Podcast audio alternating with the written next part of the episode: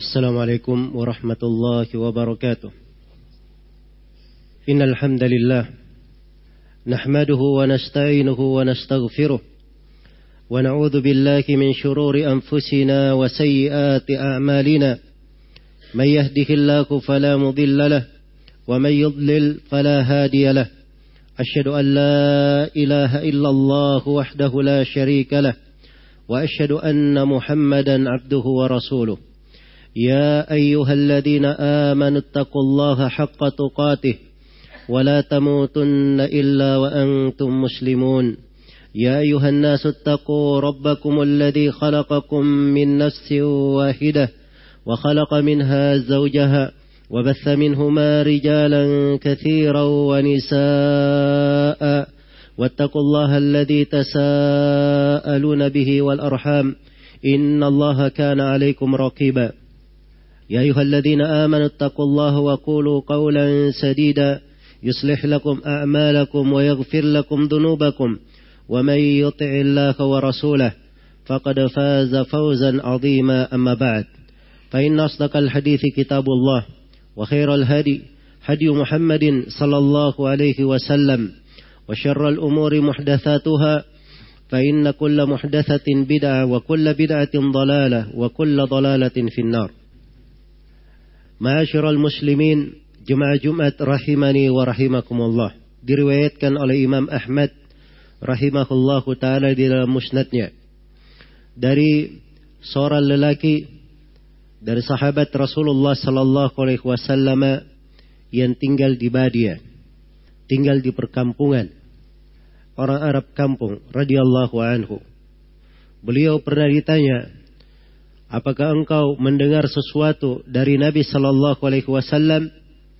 Maka sahabat yang mulia ini yang tidak disebutkan namanya tinggalnya di Badiah di kampung beliau berkata akhada Rasulullah sallallahu alaihi wasallam biyadihi fa'allamani mimma 'allamahu Allah fakana mimma hafidtuhu minhu innaka lan tada'a syai'an ittiqa'an lillah illa a'taka Allahu khairan min. Kata beliau, Rasulullah sallallahu alaihi wasallam mengambil tanganku. Kemudian beliau mengajariku apa yang Allah ajarkan kepada beliau.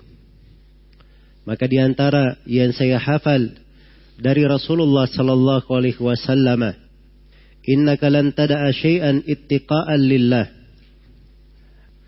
tidaklah engkau meninggalkan sesuatu karena ketakwaan kepada Allah illa a'taka Allahu khairan min. Kecuali Allah akan memberi kamu hal yang lebih baik darinya. Di dalam riwayat yang lain innaka lan tada'a syai'an lillahi ittiqa Allah illa abadalaka Allahu bihi ma huwa khairul laka min Tidaklah engkau meninggalkan sesuatu karena ketakwaan kepada Allah Subhanahu wa taala kecuali Allah akan mengganti kamu untuk hal itu dengan sesuatu yang lebih baik untukmu dari hal yang kamu tinggalkan itu. Di dalam hadis yang mulia ini terdapat di dalamnya pelajaran-pelajaran yang berharga. Yang pertama terdapat dari kelembutan Rasulullah sallallahu alaihi wasallam, rahmat dan semangatnya terhadap umatnya agar mereka mendapat kebaikan dan berada di atas hidayah. Sebagaimana sifat beliau yang Allah terangkan di dalam Al-Quran. Laqad ja'akum rasulun min anfusikum azizun alaihi ma anittum harisun alaikum bil mu'minina raufur rahim. Telah datang kepada kalian seorang rasul dari diri-diri kalian sendiri sangatlah berat kalian itu menentang terhadapnya. Artinya beliau sedih kalau ada yang menentang, ada yang tidak masuk ke dalam Islam menolak apa yang beliau sampaikan. Harisun alaikum dan beliau sangat bersemangat terhadap kalian. yakni sangat bersemangat kalian mendapat hidayah, berada di atas petunjuk dan terhadap kaum mukminin beliau adalah seorang yang sangat penyayang dan sangat pengasih. Itulah Rasulullah sallallahu alaihi wasallam. Beliau tidak membedakan di sisinya yang besar dari yang kecil, yang dekat dari yang jauh, orang yang tinggal di kota maupun tinggal di desa, di perkampungan, semuanya diperlakukan oleh Rasulullah sallallahu alaihi wasallam dengan akhlak yang mulia, dengan hal yang diridai oleh Allah Subhanahu wa taala. Maka sahabat ini berkata, "Akhadha Rasulullah sallallahu alaihi wasallam biyadi." Rasulullah sallallahu alaihi wasallam mengambil tanganku. Fa'allamani mimma 'allamahu Allah. Maka beliau mengajariku apa yang Allah ajarkan kepadanya. Terdapat semangat Rasulullah sallallahu alaihi wasallam memberikan faedah ilmu, manfaat ilmu dan kebaikan kepada manusia. Dan inilah yang harusnya berjalan di tengah umat ini. Saling memberikan manfaat kepada orang lain, kepada saudaranya. Apalagi kemanfaatan tersebut terkait dengan ilmu agama. Suatu manfaat yang bisa meluas cakupannya, bisa berpindah dari seseorang kepada orang yang lain, manfaat yang bisa terwarisi dari masa ke masa. Itulah manfaat dari ilmu. Rasulullah sallallahu alaihi wasallam bersabda, "Man istata'a minkum ayyam fa'a falyaf'al." Siapa di antara kalian yang mampu memberi manfaat kepada saudaranya, hendaknya dia kerjakan. Diriwayatkan oleh Imam Muslim. Dan Rasulullah sallallahu alaihi wasallam pernah ditanya, "Manusia manakah yang paling baik?" Kata beliau, "Anfa'uhum linnas." Orang yang paling bermanfaatnya bagi manusia. Maka Rasulullah mengajarkan kepada sahabat ini apa yang Allah ajarkan untuknya.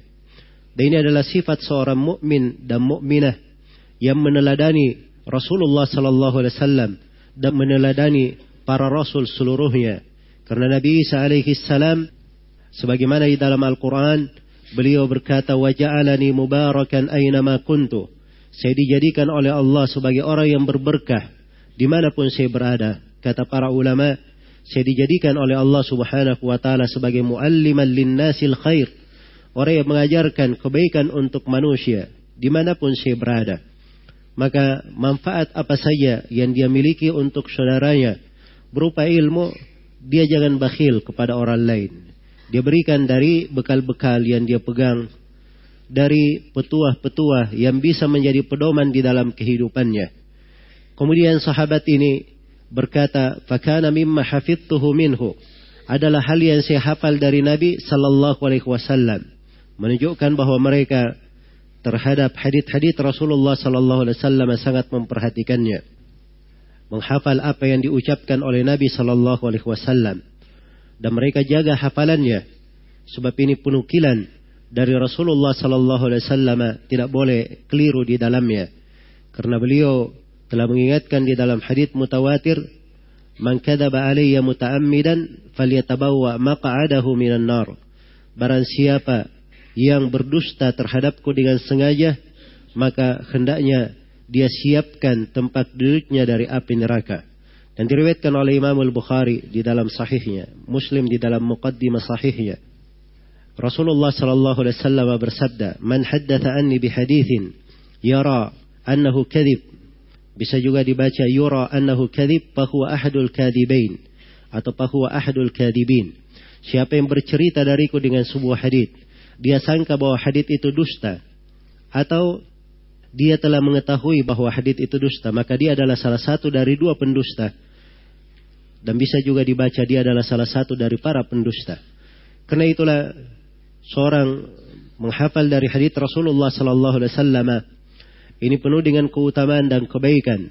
Tapi dari etika para sahabat radhiyallahu anhum, mereka menjaganya dan memeliharanya sebagaimana yang dia dengarnya dari Rasulullah sallallahu alaihi wasallam. Maka di dalam hadisnya Rasulullah sallallahu alaihi wasallam berpesan, "Innaka lan tad'a syai'an ittiqa'an lillah." Tidaklah engkau meninggalkan sesuatu karena ketakwaan kepada Allah, illa a'taka Allahu khairan minhu kecuali Allah akan memberi kamu sesuatu yang lebih baik darinya. Di dalam hadis yang mulia ini terdapat di dalamnya pelajaran-pelajaran yang sangat berharga dari pokok-pokok kaidah di dalam kehidupan. Yang pertama, di dalam hadis ini terdapat penjelasan bahwa siapa yang meninggalkan sesuatu karena Allah, Allah pasti akan memberi untuknya lebih baik daripada itu. Allah akan memberikan untuknya lebih baik daripada apa yang dia tinggalkan itu. Dan ini suatu kaidah yang mesti selalu ada di dalam sanubari setiap muslim dan muslimat. Merupakan warna di dalam kehidupannya. Keyakinan yang dia pegang teguh bahwa apa saja yang dia tinggalkan karena Allah, maka Allah Subhanahu wa taala pasti akan mengganti untuknya yang lebih baik daripada yang dia tinggalkan tersebut. Dan kata yang lebih baik ini ini luas cakupannya luas cakupannya. Mungkin dia meninggalkan sesuatu dari benda, dari perbuatan. Kemudian Allah memberi dia sesuatu yang lebih berharga daripada itu. Dan mungkin dia meninggalkan sebuah dosa, sebuah maksiat. Allah subhanahu wa ta'ala memberikan untuknya ketaatan sebagai kebalikannya. Dan mungkin dia meninggalkan sesuatu, Allah mengganti untuknya dari ketenangan, dari kebahagiaan, dan kesejukan di dalam hatinya. Yang jelas kalimat a'takallahu khairan min Allah akan mengganti kamu yang lebih baik darinya. Ini adalah hal yang luas cakupannya. Nabi Sulaiman alaihi salam ketika beliau sangat mencintai jihad fi sabilillah dan beliau sangat mencintai kuda-kuda perang. Suatu hari beliau terlambat sholat asar disibukkan oleh kuda-kudanya hingga matahari hampir terbenam. Maka beliau alaihi salam memanggil agar supaya kudanya dikembalikan. Lalu beliau pun menyembelih kuda-kuda tersebut. Menyembelih kuda-kuda tersebut karena beliau lebih mendahulukan kecintaannya kepada Allah Subhanahu wa taala. Maka Allah Subhanahu wa taala mengganti beliau dengan berbagai keutamaan dan beliau memohon kepada Allah kekuasaan yang tidak diberikan kepada siapa pun yang datang setelahnya. Maka Allah beri kepada beliau di antaranya adalah diberi anugerah dengan angin yang berjalan membawa Nabi Sulaiman alaihi salam ke arah yang beliau kehendaki. Angin di siang hari membawa beliau ke sebuah tempat mungkin ditempuh oleh orang dengan perjalanan biasa selama dua bulan. Maka Allah ganti beliau dengan hal yang lebih baik darinya. Nabi Yusuf alaihi salam tatkala beliau meninggalkan sesuatu karena Allah Subhanahu wa taala, beliau diajak untuk berbuat dosa, berbuat hal yang keji, tetapi beliau memilih hal yang lebih baik. Rabbi sijinu ahabbu ilayya mimma yad'unani ilai. Wa illa tasrif anni kaidahunna asbu ilaihinna wa akum minal jahilin. Ya Allah sesungguhnya penjara lebih saya senangi daripada apa yang mereka serukan kepadaku, apa yang mereka ajak kepadaku.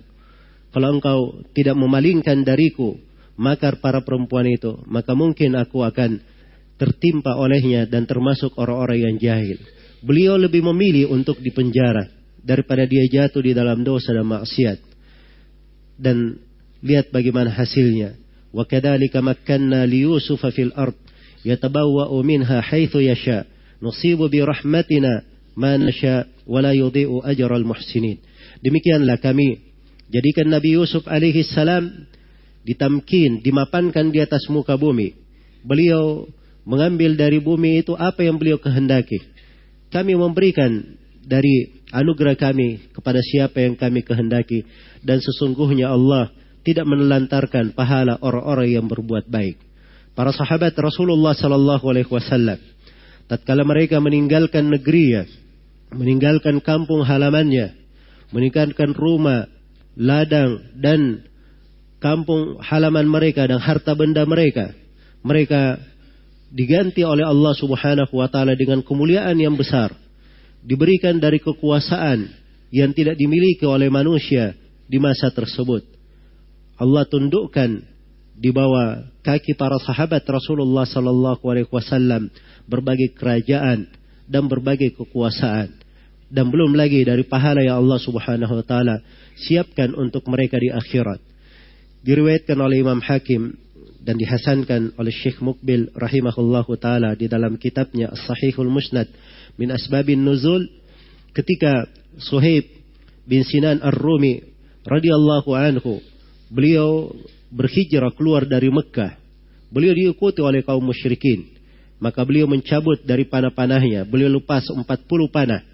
Dan beliau berkata tidak ada yang bisa dekat dariku hingga dia tertimpa oleh panahku.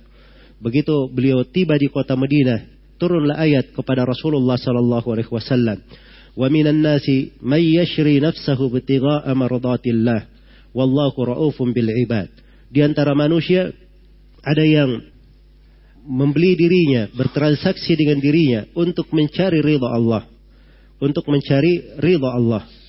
Dan Allah Subhanahu wa taala Maha Penyayang terhadap hamba-hambanya.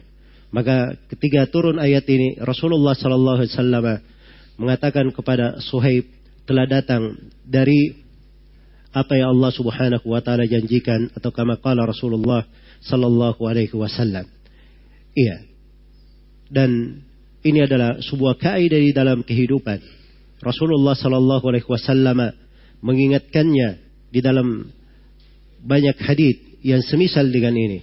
Di antaranya diriwayatkan oleh Imam Tirmidzi dari Muad bin Anas radhiyallahu anhu Rasulullah sallallahu alaihi wasallam bersabda, "Man taraka al-libasa tawadhu'an lillah wa huwa yaqdiru alaihi, da'ahu Allah yawm al-qiyamati ala ru'usil khalaiq hatta yukhayyirahu min ayyi hulalil imani sya'a yalbasuha." Siapa yang meninggalkan sebuah pakaian karena Allah, tawadhu, merendah hati karena Allah, padahal dia mampu mendapatkan pakaian itu, mampu dia membelinya, Walaupun harganya mahal, mampu dia membeli, tapi dia tinggalkan karena merendah hati kepada Allah Subhanahu wa taala, maka Allah akan memanggilnya kelak di kemudian hari di atas kepala-kepala para makhluk. Kemudian Allah akan memberikan pilihan untuknya dari pakaian-pakaian kemegahan penduduk sorga ahlul iman sehingga dia pakai dari pakaian yang dia kehendaki. Dan diriwayatkan oleh Imam Ahmad, Abu Daud, At-Tirmidzi dan Ibnu Majah dari Mu'ad bin Anas radhiyallahu taala anhu juga. Rasulullah sallallahu alaihi wasallam bersabda, "Man kadhama ghailan wa huwa qadirun ala an yunkidahu, da'ahu Allah yawmal qiyamati ala ru'usil khala'ik hatta yukhayyirahu min ayyir huri sya'a." Siapa yang menahan sebuah kemarahan padahal dia mampu melampiaskan kemarahannya. Dia menahan sebuah kemarahan padahal dia mampu melampiaskan kemarahannya maka Allah akan memanggil dia kelak di kemudian hari di depan kepala-kepala makhluknya. Lalu Allah memberikan kepadanya pilihan untuk memilih bidadari yang dia senangi. Maka siapa yang meninggalkan sesuatu karena Allah, Allah Subhanahu wa taala pasti akan menggantinya dengan yang lebih baik daripada itu. Diriwayatkan oleh Imam Malik di dalam Al-Muwatta dengan sanad yang sahih dari Abdullah bin Umar radhiyallahu anhuma beliau pernah menjual seorang budak dan beliau mengatakan kepada pembeli bahwa saya jual budak ini tidak ada cacat di dalamnya. Kemudian si pembeli ini pun membayarnya dengan 800 dirham. Dengan 800 dirham. Maka selang waktu si pembeli datang kembali kepada Abdullah bin Umar. Lalu berkata, ternyata pada budak ini ada aib yang kamu tidak terangkan. Ada aib yang kamu tidak terangkan. Maka orang ini pun mengangkat permasalahannya kepada Utsman bin Affan, kepada khalifah dan duduklah mereka berdua di peradilan oleh Utsman bin Affan. Maka Utsman bin Affan menetapkan keputusan bahwa jual beli tetap berjalan kalau Abdullah bin Umar bersumpah bahwa dia menjual budak ini dalam keadaan dia tidak tahu bahwa ada aibnya. Dia tidak tahu bahwa ada aibnya. Maka Abdullah bin Umar ketika diminta bersumpah dengan nama Allah, beliau mundur meninggalkan hal tersebut. Bukan karena beliau keliru atau salah atau berdusta, tetapi beliau mengagungkan dan membesarkan Allah, menyebut namanya hanya sekadar untuk menjual budaknya dan melanjutkan dari transaksi. Maka beliau pun menerima kembali budak itu dan kembali budak itu menjadi miliknya dan setelah itu Allah Subhanahu wa taala mudahkan Abdullah bin Umar budaknya terjual dengan harga 1500 dirham. Siapa yang meninggalkan sesuatu karena Allah, Allah akan mengganti dia yang lebih baik daripada itu. Maka ini adalah kaidah di dalam kehidupan yang hendaknya diperhatikan oleh setiap muslim dan muslimah. Kemudian yang kedua di dalam hadits yang mulia ini terdapat peringatan untuk ikhlas kepada Allah Subhanahu wa taala. Selalu ikhlas di dalam segala keadaan. Dia lakukan sesuatu itu semata karena Allah Subhanahu wa taala. Bukan karena si fulan dan si allan, bukan pula karena mengharapkan pujian dan sanjungan di tengah manusia, bukan pula karena suatu hal yang hina dari kehidupan dunia, tapi dia lakukan hal tersebut ikhlas karena Allah Subhanahu wa taala. Siapa yang menjaga dirinya di atas keikhlasan, maka itu adalah pokok kebahagiaannya dan sumber segala keberkahan di dalam kehidupannya.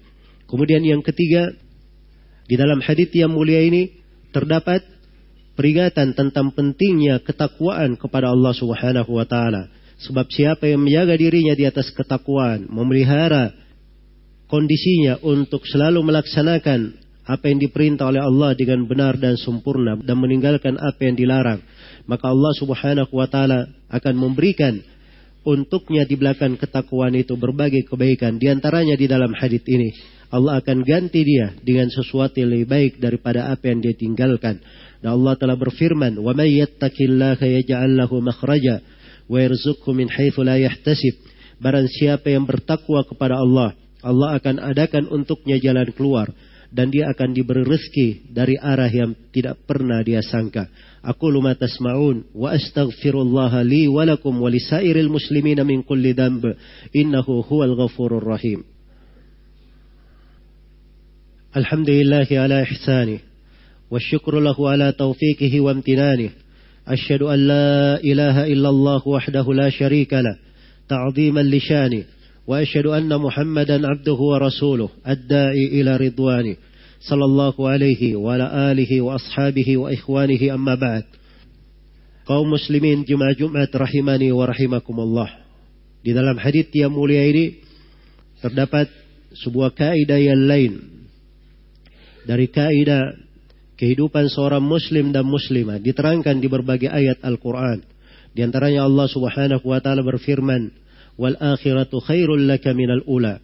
Kehidupan akhirat itu lebih baik bagimu dari kehidupan dunia. Iya, apa yang dengannya ditinggalkan karena Allah untuk kehidupan akhiratnya itu adalah lebih baik untuknya dari segala kehidupan dunia. Dari segala kehidupan dunia.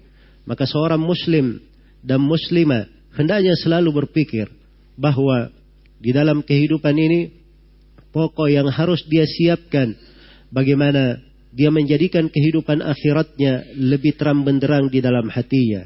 Hal yang pokok untuk dia cari, dia persiapkan dan dia sempurnakan jalannya untuk menghadap kepada Allah Subhanahu wa taala. Karena itu apa saja dari kehidupan dunia, semuanya remeh dan semuanya ringan, tidak ada apa-apanya dibanding dengan kehidupan akhirat. Dan ini kaidah yang akan memudahkan seseorang untuk meninggalkan sesuatu itu karena Allah. Dia tinggalkan sesuatu itu untuk mencari yang lebih baik daripada itu. Karena itu di kehidupan dunia ini kita diharamkan terhadap sejumlah perkara karena dijanjikan untuk kita kelak di kemudian hari yang lebih baik daripada itu. Dilarang seorang muslim dan muslimah makan dari bejana emas dan perak. Dari piring emas dan perak. Minum dari gelas-gelasnya. Karena itu adalah piring dan gelas-gelas penduduk sorga. Dilarang dari minum khamar. Di kehidupan dunia. Sebab itu adalah minumannya penduduk sorga. Minumannya penduduk sorga. Dan seorang di kehidupan dunia ini dituntut untuk tidak melekatkan dunia di dalam hatinya. Dunia di dalam hatinya. Karena apabila dunia itu tidak melekat di dalam hatinya, itulah keselamatannya. Dan kapan dunia itu melekat di dalam hatinya, mungkin itu adalah kebaikan, adalah sesuatu yang disegerakan untuknya di dunia, dia tidak diberi lagi di kehidupan akhiratnya. Karena itulah hendaknya setiap orang bertakwa kepada Allah Subhanahu wa taala dan selalu menjaga dirinya di atas tuntunan dan perintah dan selalu menata dirinya pada hal yang digariskan oleh Rasulullah sallallahu alaihi wasallam. Dan hadis yang mulia ini hendaknya selalu di dalam hati dan sanubari kita menjadi pedoman di dalam kehidupan kita dan semoga Allah Subhanahu wa taala menjadikan kita semua sebagai orang-orang yang mengamalkannya, mengambil manfaat darinya. ثم اعلموا رحمكم الله إن الله أمركم بأمر بدأ به بنفسه وثنى بملائكته بقدسه فقال جل من قائل إن الله وملائكته يصلون على النبي يا أيها الذين آمنوا صلوا عليه وسلموا تسليما اللهم صل وسلم على نبيك ورسولك محمد وعلى آله وصحبه وعن خلفائه الراشدين أبي بكر وعمر وعثمان وعلي وعن الصحابة أجمعين وأن معكم بفضلك وجودك وإحسانك يا أرحم الراحمين. اللهم اغفر للمسلمين والمسلمات والمؤمنين والمؤمنات الأحياء منهم والأموات. إنك سميع قريب مجيب الدعوات. يا قاضي الحاجات. اللهم وفق أولاة أمورنا لكل ما تحبه وترضى وأعينهم على طاعتك برحمتك يا أرحم الراحمين. اللهم أرنا الحق حقا وارزقنا اتباعه وأرنا الباطل باطلا وارزقنا اجتنابه. اللهم ظلمنا أنفسنا وإن لم تغفر لنا وترحمنا لنكونن من الخاسرين. ربنا اغفر لنا ولإخواننا الذين سبقونا بالإيمان. ولا تجعل في قلوبنا غلا للذين آمنوا. ربنا إنك رؤوف رحيم. ربنا آتنا في الدنيا حسنة وفي الآخرة حسنة وقنا عذاب النار. عباد الله إن الله يأمر بالعدل والإحسان وإيتاء ذي القربى وينهى عن الفحشاء والمنكر والبغي يعظكم لعلكم تذكرون. فاذكروا الله العظيم الجليل يذكركم واشكروه على نعمه يزدكم ولذكر الله أكبر. والله يعلم ما تصنعون.